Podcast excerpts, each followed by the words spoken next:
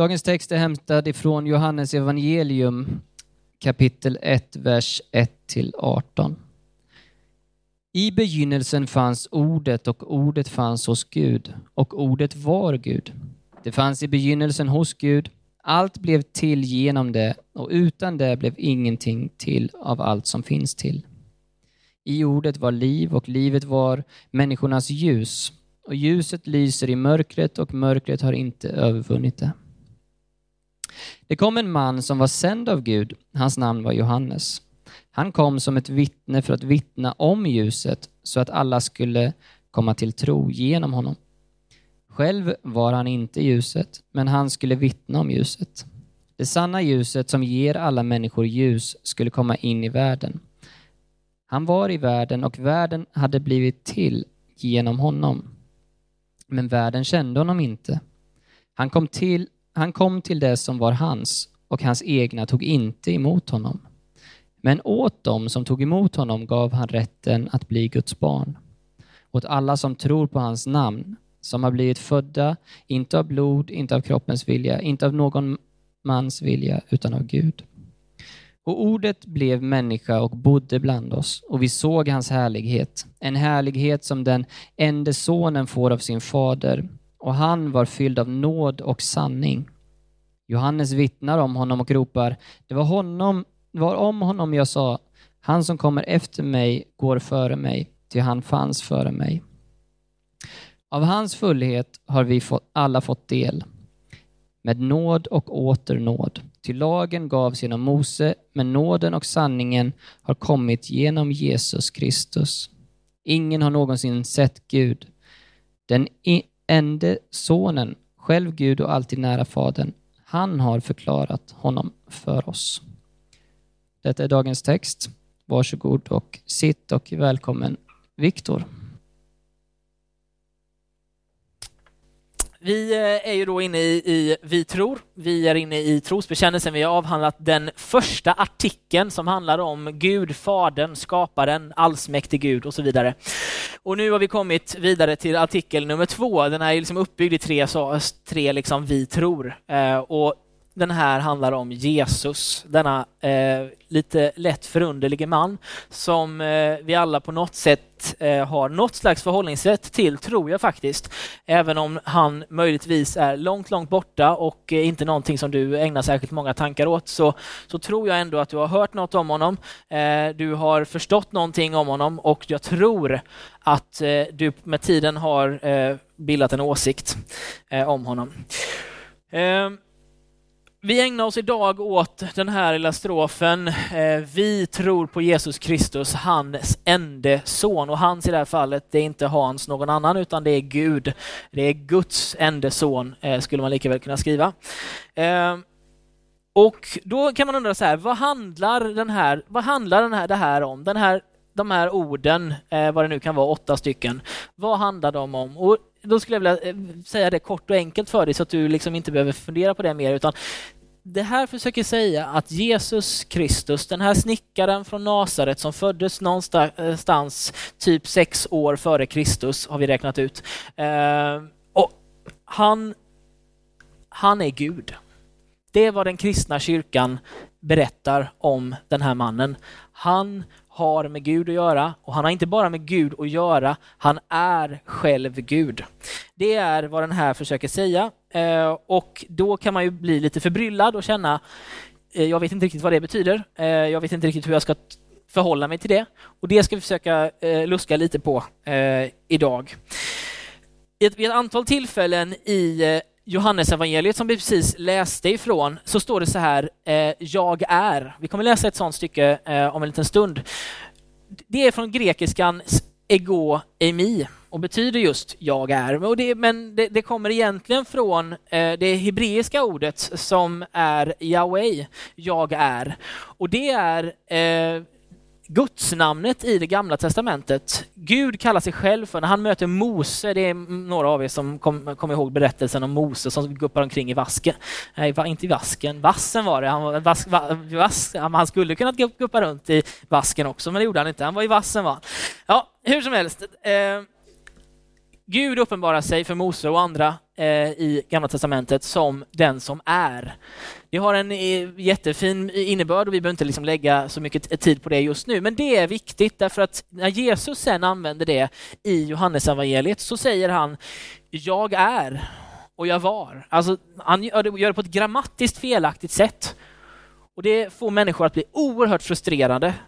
Och för i förra sommaren så ägnade vi sju stycken söndagar åt att gå igenom de där jag är och så berättade han att jag är livets bröd, alltså den som, som kan liksom ge mer till livet och själen än det som bröd kan ge till våra kroppar. Och jag är livets vatten, någonting som släcker vår törst på insidan och en massa andra saker. Jag är livets ljus, det som lyser upp våra sinnen, det som lyser upp vår värld och så, när vi liksom lever i ett dunkelt mörker, det som han är det ljuset, Gud är det ljuset. Det är Johannes idé eh, om Jesus och som han berättar i sitt evangelium.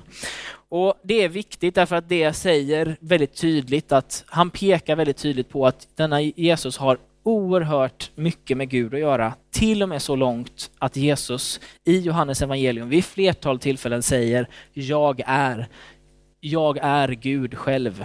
Och det är ju liksom, eh, givetvis, man kan ju tänka lite storhetsvansinne. Eh, så, eh, jag har det ibland, eh, men jag brukar inte säga just det, jag brukar inte säga att jag är Gud. Så, men men vi ska, nu ska vi försöka då gräva lite djupt i så här, vad skulle det här kunna innebära? Och jag har då eh, för ovanlighetens skull plockat fram tre punkter eh, som vi ska ägna oss åt och så ska vi försöka dra lite konsekvenser av dem sen. Är ni med? Ja, det är ni. Vad roligt. Eh, då så, då börjar vi. Jesus född, men inte skapad. Det står så här i Johannes 1, 1-2. I begynnelsen fanns ordet och ordet fanns hos Gud och ordet var Gud. Det fanns i begynnelsen hos Gud.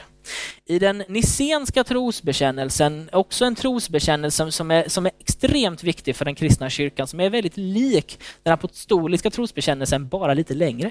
Eh, då, då finns det liksom ett antal sådana här ställen där den förlänger vad det som sägs i den apostoliska trosbekännelsen och då tänkte jag så här, det hjälper oss lite att förstå vad man ville säga för någonting.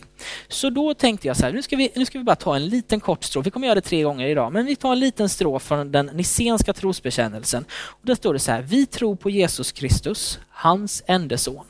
Ljus av ljus, sann Gud av sann Gud, född och icke skapad av samma väsen som Fadern. Det var viktigt för de väldigt tidiga kristna att påpeka att Jesus hade funnits innan skapelsen, att han helt enkelt var evig. För man kan inte tänka sig Gud, en Gud som inte är evig, man kan inte bli Gud. Eh, att, han, att en man kan vara född utan att för den delen tillhöra det skapade är ju på ett sätt eh, en liten främmande tanke för de flesta av oss. Eh, vi kanske inte ens tror på skapelsen i den bemärkelsen, men, men det kan ju vara knepigt då. Och, men Bibeln berättar om det precis på det sättet att, att denna Jesus inte är skapad i den bemärkelse som du och jag är och som världen runt omkring oss är, utan att denna Jesus eh, faktiskt har funnits långt innan allt detta. Det kallar vi för Jesu preexistens. Och det är ju ett litet så här tungvrickande ord och man kan fundera på om det verkligen ska vara två e. Jag har funderat på det. Men, eh, men hur som helst så, så är det här, det betyder helt enkelt Jesus fanns innan.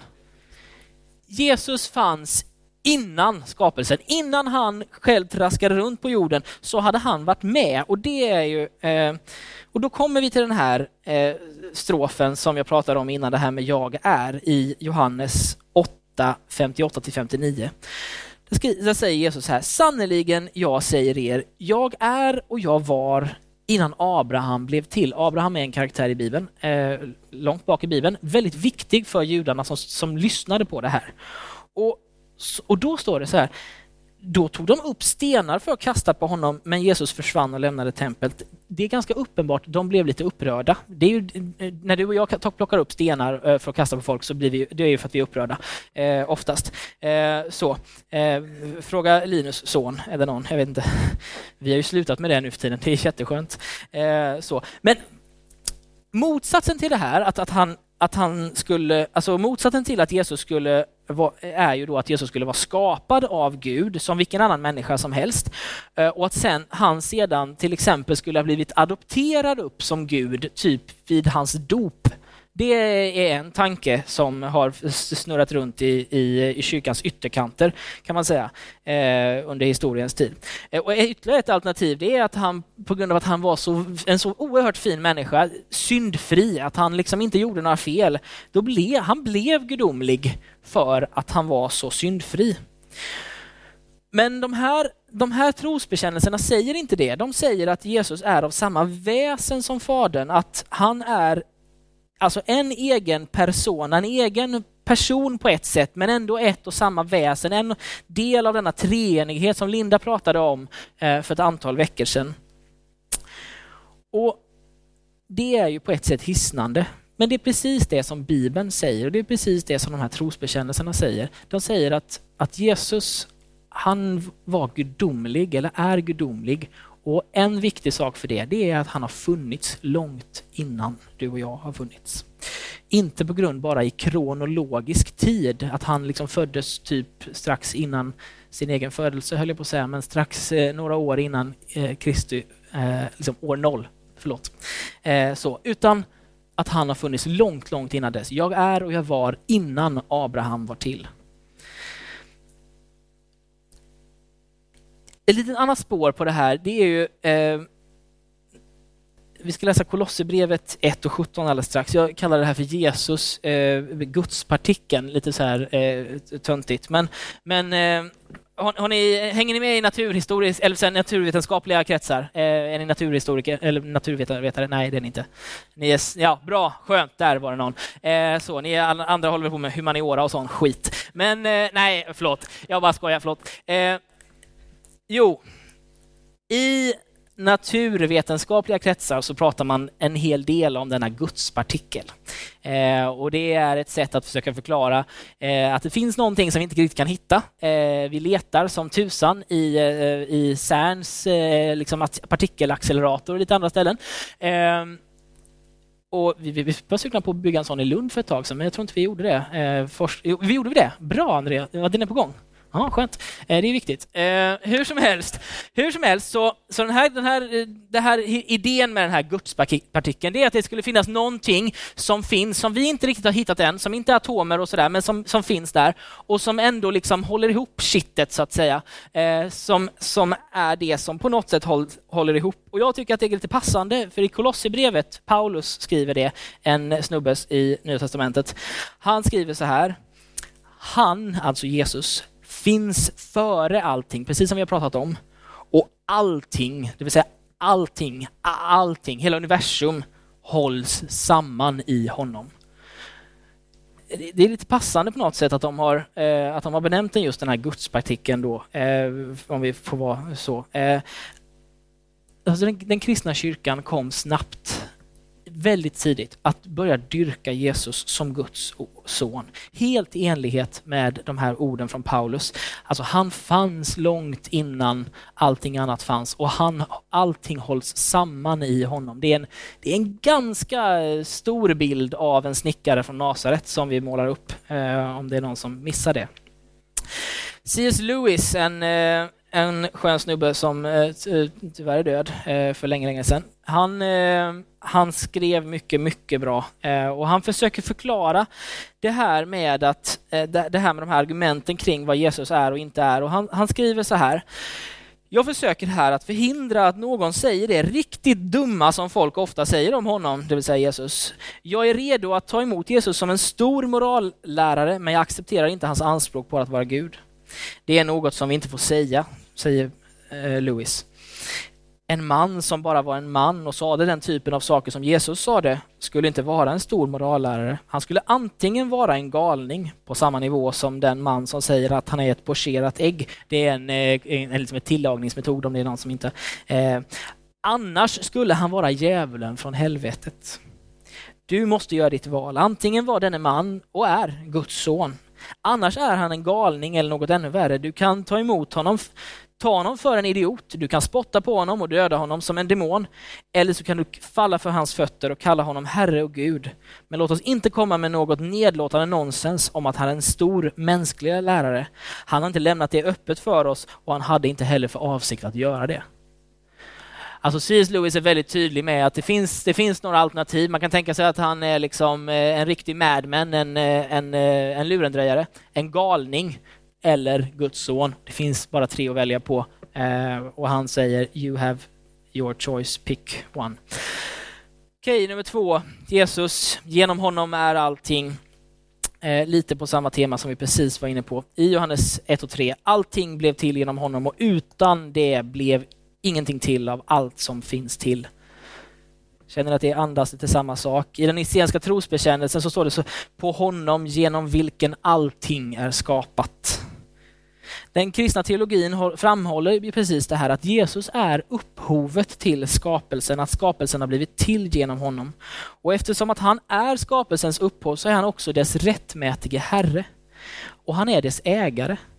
Skapelsen lyder under honom och vi läser om det ganska ofta i evangelierna, de fyra första böckerna i Nya Testamentet.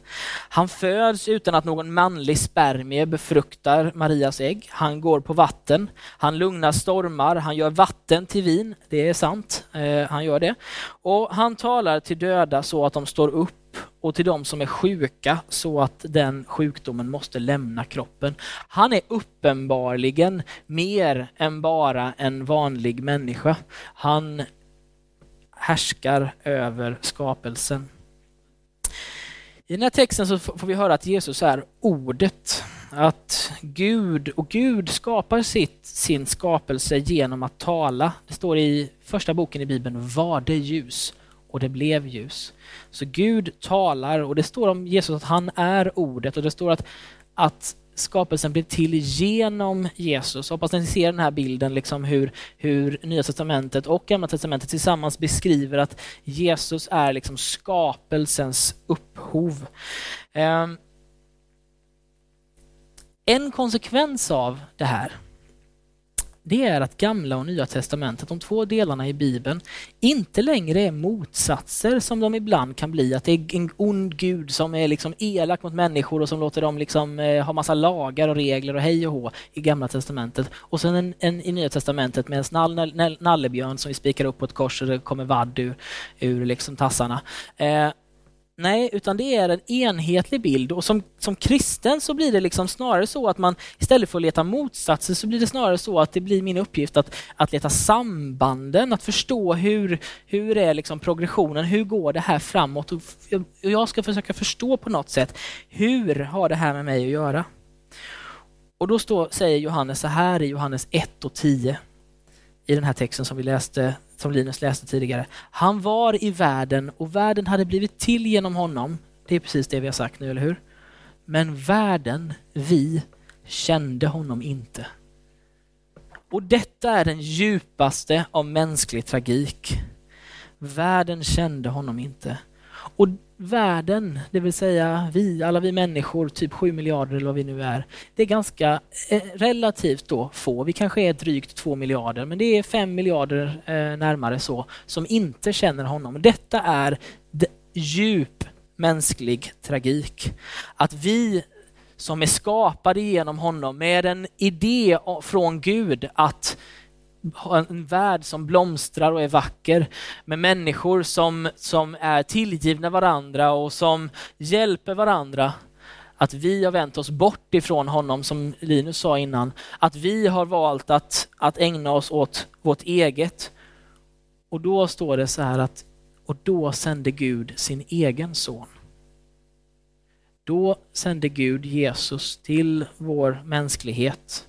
Och det står så här nu är vi på punkt 3, Jesus, ordet blev kött. Det står så här i Johannes 1 och 14 och 1 och 18.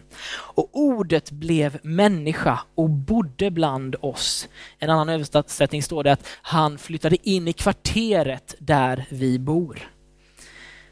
Och vi såg hans härlighet eller helighet eller liksom, ja en härlighet som den enda sonen får av sin fader och han var fylld av nåd och sanning. Och i 18 står det så här, ingen har någonsin sett Gud. Den enda sonen, själv Gud och alltid nära fadern, han har förklarat honom för oss. Detta är, detta är Guds svar på den här mänskliga tragiken att, att världen kände honom inte, att vi känner inte honom. Guds svar på detta är att sända sin egen son, att själv ta mänsklig gestalt, att själv bli människa med allt av det vad det innebär. I den essenska trosbekännelsen så, så, så fortsätter texten så här, som för oss, alltså Jesus, som för oss människor och för vår salighet eller lyckas skull har stigit ner från himmelen och tagit mandom genom den heliga ande av jungfru Maria och blivit människa. Detta kallar vi för inkarnationen. Det betyder, tänk eh, carne är typ eh, kött, alltså chili con carne. Det är chili med kött. Eh, så. Alltså inkarnation, det betyder att ikläda sig kött, att bli kött, att bli kropp. Och det är ett sätt för kyrkan och för Bibeln, ordet finns inte i Bibeln, men för kyrkan att beskriva vad är det Jesus gör? Jo, han blir människa. Den Jesus som har funnits långt innan allting, som också är eh, upphovet till skapelsen och liksom skapelsens herre. Han kliver ner och traskar runt i sandaler bland oss människor, flyttar in i vårt kvarter. Så beskriver Bibeln det. Och i då kommer tre bibelord som eh, ni får hänga med på. Johannes 14 och 9 står det så här, Jesus svarade så länge har jag varit tillsammans med er och ändå känner du mig inte, Filippos. Det var en av hans lärjungar som följde med honom mycket. Den som har sett mig har sett Fadern. Hur kan du då säga visa oss Fadern?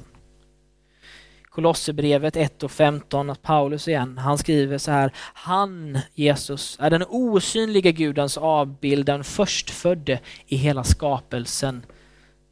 Och Hebreerbrevets författare skriver i första kapitlet och tredje versen, och han, Jesus igen, som är utstrålningen av Guds härlighet och en avbild av hans väsen, Guds väsen, och som bär upp allting med kraften i sitt ord, har renat oss från synden och sitter på majestätets högra sida i höjden, sitter på Guds högra sida i höjden. Om ni kommer ihåg så läste vi precis det. Ni märker hur nära kopplat den här, den här trosbekännelsen är till det här ordet. som och Lyssna på det här igen. Som en avbild av hans väsen och som bär upp allt med kraften i sitt ord. Han har renat oss från synden. Detta är precis det som är Guds verk. Hans enda son, Jesus Kristus. Han var innan, han skapar, blir människa och tar synd och elände på sig för att upprätta kontakten mellan Gud och människa igen. Vad gör vi av det här? Jo, vi konstaterar att Nya Testamentet klart och tydligt säger om du vill lära känna Gud ska du se på Jesus. Han är utstrålningen, den osynlige Gudens avbild, en avbild av hans väsen. Alltså Jesus är Gud. Inte bara lite Gud och lite människa sådär. Eh, inte på så vis att man i Jesus lär känna någon som är lite lätt annorlunda än Gud Fadern eller att Jesus representerar Gud till typ 90 procent, men någon gång så var han liksom lite, lite off track så. Utan när du läser om Jesus sätt att behandla människor, då vet du också hur Gud ser på människor. Därför finns det, ingen, därför finns det liksom ingen, på, ett, på det sättet, kristen människosyn. Den kristna människosynen är Jesus syn på människor. Det är hur han behandlar människor finns inget annat sätt, att finns inget liksom påhittat eh, filosofiskt, finns bara inkarnation. En Gud som har iklätt sig kött, som är människa och kropp och behandlar människor på det sättet som Gud själv behandlar människor. Så funkar det nya testamentet. Vad gör det här då? Vad får det här för konsekvenser? Nu är vi färdiga med våra tre punkter. Nu ska vi prata lite konsekvenser av det här. Eh, jo, då har jag tänkt att det är tre saker som jag skulle vilja att du tar med dig eh, av de här sakerna. Det är ett, auktoritet. Lyssna på honom. Jesu gudomlighet placerar honom i en position som gör att vi har en hel del att lära av honom, skulle man kunna säga lite milt. Eh, han, om han själv är upphovet till skapelsen så har han med all säkerhet också en, en nyckel eller två till livets mysterium. Så hans sätt att leva bör säga oss något om vad kärlek är, vad samvaro är, vad integritet är eller till exempel livstempo. Om du tittar och läser i Nya Testamentet och om du läser de första fyra eh, böckerna, Johan, eh, Matteus, Markus, Lukas och Johannes, så kommer du möta en Jesus som, eh, som interagerar med människor och som beter sig på ett visst sätt. Bland annat står det till exempel att han drog sig undan för att be och att han drog sig undan för att vara med sina lärjungar. Och om vi säger så här att Jesus han var en ganska han var en ganska känd person i sin samtid. Om, om, vår, om dagens kändisar skulle följa efter Jesu exempel eh, genom att emellanåt dra sig undan att ta det lugnt, att inte kanske köra en turné eh, världen över i eh, hundra dagar och festa natt och dag runt. Då vill jag tro att det hade varit färre stora artister och kändisar som hade tagit, tagit livet av sig eller som hade, som hade liksom, eh, gått ifrån sina fruar eller vad det nu är som, som händer som kanske inte vi uppfattar som jättepositivt. Jag vill tro att om vi tittar på Jesus och hans sätt att bemöta andra människor, eh, och kanske nu tänker jag framförallt på människor som kanske inte riktigt höll med honom, eh, så, så ser ni där en ganska hög respekt för människor en hög respekt även för sina meningsmotståndare. Även om han, han är ganska ful ret, retoriskt ibland, eh, så, så är han aldrig så att han eh, ser ner på människor, utan alltid lyfter upp och är ute efter att människor ska välja det rätta, men ger dem en öppning att välja det, det som kanske inte är fullt så rätt. Han möter en, en rik yngling, står det. Eh, och jag tror att alla du vi skulle passa in i den. Och han, den här rika ynglingen säger så här, jag, jag har följt allting i, i de tio Guds bud. Jag har gjort allting detta. Och då blir Jesus lite så här, ja det vet jag nog att du inte har. Det säger han inte högt men, men eh, då tänker han så här att nu ska, nu ska jag ge honom en utmaning för att han ska faktiskt få välja, precis som han säger att han ska få liksom put his mouth uh, where his, eller put his money where his mouth is. Så heter det. Uh, då säger han så här, om du har gjort detta, ge bort allt som du äger, kom och följ mig. Och den här mannen, uh, han gick därifrån, står det, fördärvad eller liksom han var förkrossad. För att han, han klarade inte av detta. Och sanningen var ju det som vi alla vet att han hade inte, han hade inte följt Bibelns bud till punkt och pricka. Det är ingen av oss som gör det, ingen av oss lyckas med det. Så det är per definition så att vi vet att han ljög. Men Jesus gav honom en utmaning därför att han kanske satt på en liten hög häst. Och det visade sig att han, men han behandlade dem ändå fortfarande med respekt och gav honom en, en schysst utväg om han behövde det. Jag tror alltså att en konsekvens av det här, att Jesus är Gud, det är att vi verkligen på riktigt nog skulle ta och lyssna på honom på vad han har att säga. Kanske är det så att du och jag i vår karriärsiver eh, inte alltid skulle i så fall klättra och stampa på andras ryggar. Kanske är det så att en eller två av oss, förmodligen jag först, skulle lära oss att behandla varandra med lite större respekt. Skulle lära oss att se att en annan människa är inte en rygg som jag kan klättra på för att ta mig uppåt, utan en människa som jag är kallad att interagera med, älska och vörda och respektera. Det tror jag är Jesu integritet och jag tror att han har mycket att, att lära oss om det. Jag tror också att han har mycket att lära oss om kärlek. Trots att han själv inte var gift så, eh, eller liksom levde i relation med, med kvinnor så, så tror jag att han har mycket att lära oss om kärlek. I de, eh, sätt, de gånger som han bemöter andra människor och hur han gör det. Alltså jag skulle vilja säga, det är kärlek på riktigt mina vänner. Uh, och eftersom att vi inte liksom har all tid i världen på oss så kommer jag inte liksom berätta om det. Men jag hoppas att ni har om, att det är en, av de grejerna som ni har fått med er om ni har läst om denna Jesus. T nummer två i eh, konsekvenser. Doxologi, det betyder eh, tillbedjan, typ. Tillbe honom. Att Jesus är Gud bör också väcka hos oss, tänker jag mig, en vilja av tillbedjan. Det är skillnaden mellan en morallärare. Det är, det, en morallärare är någon man ser upp till. Eh, det är någon som man eh, tar efter och kanske rent av hoppas en dag att bli lika med så att säga. Eller liksom att man, en lärare det är ju någon som man hoppas kanske till och med springa om eh, någon gång.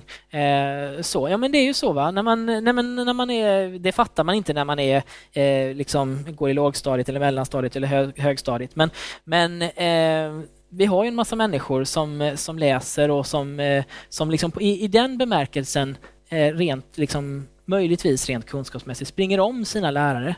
Och det är ju liksom, det är tanken hos en, en lärare, vill gärna det förmodligen från eh, sina elever. Det är skillnaden med Gud han, och, och Jesus. Han är inte en, en morallärare i den i den avsikten, utan han är Gud. Och som Gud så är det rimligt att vi människor inser att det finns liksom en, jag vet att det här är jättesvårt för oss svenskar, men eh, det finns liksom någon slags hierarki, det finns faktiskt en nivåskillnad där vi är människor och och, och, det som är häftigt är att Gud har stigit ner till oss människor. Alltså, om han har stigit ner, så säger Paulus, då, då, måste han också komma någonstans ifrån, eller hur? Och det betyder per definition att, att han är above, att han är Gud. Och det gör att, att vår, den mänskliga responsen till det det är rimligt att den är tillbedjan. Att den är, eh, vi uttrycker det på olika sätt, men att den är liksom knäböjan eh, eller att den är kanske lyfta händer. Eller att den är intellektuell kapacitet som där vi verkligen tänker om honom att han är stor. Eller där vi skriver om honom och hans storhet. Eller i mitt fall just just nu, eh, om det är någon som har missat detta, så är det jag håller på med just nu, det är tillbedjan. Eh, om det är någon som det är jag, så här gör jag det. Det här är ett av mina sätt att tillbe Gud. Det är att stå inför er och berätta om denne Jesus och på så sätt få höja upp honom därför att han är större än oss. Han är Gud och det är tillbedjan. Praktik, att följa honom då till slut. Det här tror jag är kanske det viktigaste att Jesus är Gud och ändå valde att göra som han gjorde, steg ner till jorden som människa genom ett spädbarn i Betlehem, levde som en vanlig snickare, åt och drack med pöben, kom till undsättning för människor i riktigt crappiga situationer. Det bör rimligen inspirera oss till att försöka efterlikna honom, tänker jag mig. Om han blev människa, då skulle jag vilja utmana dig och mig till att verkligen fullt ut bli människor. Inte bleka kopior av en ihopkokad, helig och tråkig Gud, utan människor som fullt ut lever och älskar livet som dess skapare. Det står om Jesus i Lukas evangeliet att, han, eh, att de, de som ville liksom snacka skit om honom, de kallade honom för en eh, frossare och en drinkare. Det betyder egentligen att han eh, drack och åt mycket. Eh, så, och det rimmar dåligt med alla de här fina smala bilderna av Jesus. Eh, så. Men hur som helst så, så, så är det en av de bilderna som det är en man som verkligen ägnar sig åt mycket social eh, livsnjutelse. Eh, I form av att eh, hänga på fester, äta mycket mat och dricka eh, nu ska jag säga precis som det dricka mycket gott vin. Eh, det är precis det som det står. Eh, och, och det kanske det skulle utmana dig och mig att inte bara liksom vara eh, tråkiga, gömma oss undan, utan faktiskt att verkligen så älska det livet som vi har fått fullt ut. På det sättet som du gör det, om det är att jaga djur eller om det är att klättra i berg. Nej men alltså, so be it. Men, men eh, att älska det här livet som han har gett oss. Låt oss genom våra arbeten och liv utstråla den mildhet och skärpa och nåd som vi läser om hos Jesus. Låt oss äta och dricka med människor från alla samhällsskikt, precis det gjorde nämligen Jesus. Låt oss hjälpa människor än hellre om de inte kan göra det detsamma tillbaka för dig. Låt oss på riktigt flytta in i kvarteret där vi bor. Inte bara eh, som vi emellanåt upptäcker att vi eh, bor i en lägenhet och inte har en aning om vilka som, som ens bor på samma våning som vi gör. Eh, utan verkligen flytta in, verkligen vara en del av det sammanhanget. Jesus gjorde det för människors salighet. Han flyttade in i kvarteret där vi bor för vår salighets skull, för vår lyckas skull, för att vi skulle få en chans att fatta vem han är. Han klev in bland oss och låt oss verkligen göra detsamma. Jag pratade med, med en av mina kompisar och och hon beskrev hur hon en dag hade gått på bussen, stått med sin barnvagn och eh, Sen har det kommit in en, eh, en eh, äldre rumänsk kvinna. Hon hade haft en ganska stor sån här IKEA-påse på ryggen eh, och gått och satt, eller som sagt klämt sig in i där man tar in barnvagnarna inte betalat, shame on her, och eh, dessutom satt sig på en av de här platserna. Och då sa min kompis här att hon kände liksom, hon kände så här, men fy, hon kände nästan, nästan en viss avsky för hur den här människan, den här kvinnan valde att inte betala för sig och inte följa de faktiskt regler som vi har satt upp när det gäller bussåkning. Det vill säga att man sätter sig inte på, eh, på platser som är avsedda för barnvagnar och sådär. Och, och så pratade vi om det där och, och, och så säger hon eh, så här och, och sen inser jag liksom hur, hur, hur, konstigt det är när jag samtidigt säger att jag, eh, att jag vill tro på Jesus eh, och, och vill efterlikna honom. Och så börjar vi prata om det där och, och det blev liksom ännu mer tydligt för oss att, liksom att det, här, det här som vi ibland har, det här rättspatoset, det här liksom, det ska gå rätt till. Det, det här rättvisa, ni vet, det är extremt svenskt liksom, är verkligen så. Det kan bli så missriktat och så fel att vi liksom tänker, i vårt första tanke är fy vilken äcklig människa, hon gör fel, usch och fy. Istället för att säga så här, det var dumt att hon inte gjorde det då betalar jag istället. Går fram till och, och, säger hej, jag betalar, det var en som steg på här, jag skulle vilja betala för henne. Eh, så om det nu är så oerhört viktigt för dig att det ska bli rätt, liksom, då kanske du kan lösa det, tänker jag mig. För den här kvinnan, som min kompis sa, hon kom på det. Hon har nog inte pengar. Nej, just det, det är det som är grejen. Och då, då är det liksom helt rimligt att om man läser Bibeln, om man läser evangelierna och läser om den här Jesus, då är det fullt rimligt att, att börja tänka så istället. Att nej men då tar jag och betalar istället. Och det finns en myriad av andra exempel på det här, där det är lätt för dig och mig att ställa oss i någon, liksom, eh, förlåt nu då om jag gör politik av det här, men att ställa oss i någon slags liten högervriden eh, sådär, jag är liksom på den rätta sidan, jag har det löst för mig. Och då kan jag känna så här, när man läser Bibeln, då, då säger ju den att att allting är en gåva. Så det faktum att du har en lägenhet eller ett hus, att du har tak över huvudet, mat att äta och så vidare är, är en gåva av Gud. Och det betyder per definition att det inte är ditt enbart. Och Det betyder dessutom då att, om, att det du har hamnat som någon slags förvaltare av det där, liksom någon som vars uppgift är att ta hand om det, då kanske ett vettigt sätt att göra det på är att dela med sig av det. Inte som du och jag fick lära oss när vi var små. För jag har nästan inte träffat någon svensk som inte fått lära sig att man får inte ge pengar till människor som tigger, för de kommer bara röka upp det eller dricka upp det eller knarka upp det. Och så märkte jag när jag bodde i Afrika för några år sedan att, att det där gjorde mitt hjärta hårt. Det gjorde att när jag gick förbi människor, första gången var det ingen fara, men, men liksom efter två, tre månader, då hade jag, för jag mötte ganska många tiggare, eh, typ på tionde meter, och då, då började mitt hjärta bli hårt istället. Då började jag se ner på de här människorna som inte gör något bättre för sig än att sitta och liksom tigga. Usch och fy. Istället för att inse att Gud hade placerat mig precis just där och då för att vara någon slags utsträckt hand som ger någonting av allt det som jag har. Att Gud i Jesus stiger ner bland oss människor, tar plats, ger av sig själv, visar hur man ska se på människor, visar vad integritet är, visar vad kärlek är, bör rimligen få oss till att vilja efterlikna honom. Vi kallar det i kyrkan för att efterfölja, att vara lärjunge, att göra som han gjorde. Och det var precis därför de började kalla kristna för kristna. De började kalla dem liksom, och säga så här att de är som han den där Kristus. Och det är din och min uppgift någonstans i at the end of the day. Att faktiskt våga börja följa honom. Det innebär för dig och mig, att det första steget för dig och mig att göra, det är att börja säga till honom, vet du vad, jag, jag tror på dig. Jag, jag läser om dig, jag tror att du är, jag tror att du är Gud. Uh, jag, jag, tror att du har sjukt mycket att ge. Uh, och jag vill börja följa dig. Det är ett första steg. Och så finns det en massa steg efter det. Att, eh, att liksom verkligen börja plocka upp det här och göra det som skrivs om honom till sig själv. Att så långt som möjligt faktiskt, eh, nu ska vi använda det här ordet igen, inkarnera honom.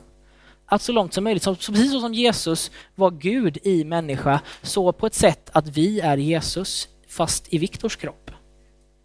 Att när man möter mig så möter man inte bara Viktor, lite eh, sned, eh, halvtråkig, självuppflugen, utan man möter någonting mer. Det är Jesu tanke, det är Guds tanke och det är hans sätt att göra det på. Och jag vill inbjuda dig i den resan. Jag vill inbjuda dig att, att lyssna på honom, hans auktoritet. Att när du har gjort det också vända dig till honom och tillbe honom. Och att när du gör det också efterlikna honom. Det tror jag att det här Jesus Kristus, Guds enda son, kan ge oss.